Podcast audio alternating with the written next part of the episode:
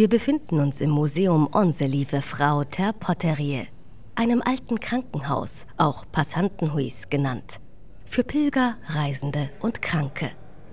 Es war einst eine der vielen Pflegeeinrichtungen in Brügge. Die erste Erwähnung des Hospitals geht auf das 13. Jahrhundert zurück.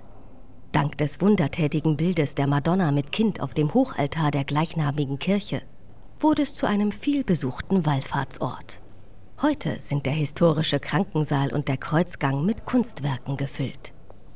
In diesem faszinierenden Raum stellt Laura Splan bei der Triennale Brügge 2021 ihre Kunstwerke aus.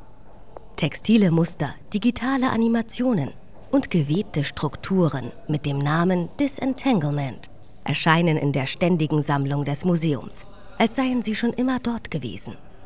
Gleichzeitig evoziert Disentanglement auf subtile Weise ein eigenartiges Gefühl.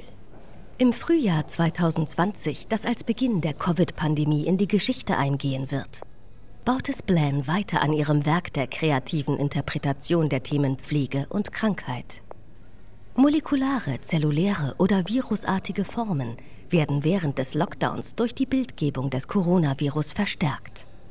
Splan verwendet Datenbanken von SARS, HIV, Influenza, Herpes oder Hepatna und nun auch von dieser neuen Krankheit, um Spitzen und computerisierte Interpretationen zu erstellen. Erzählstränge aus Wissenschaft, Fiktion und Religion werden in diesem reichen Pflegeumfeld miteinander verwoben.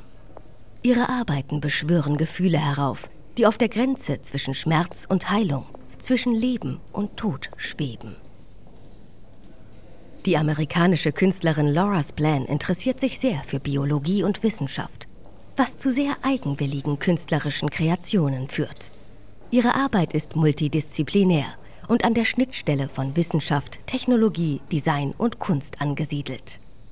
Splan ist fasziniert von den molekularen Strukturen von Viren, der Geschichte medizinischer Instrumente und den Einzelheiten der menschlichen Anatomie.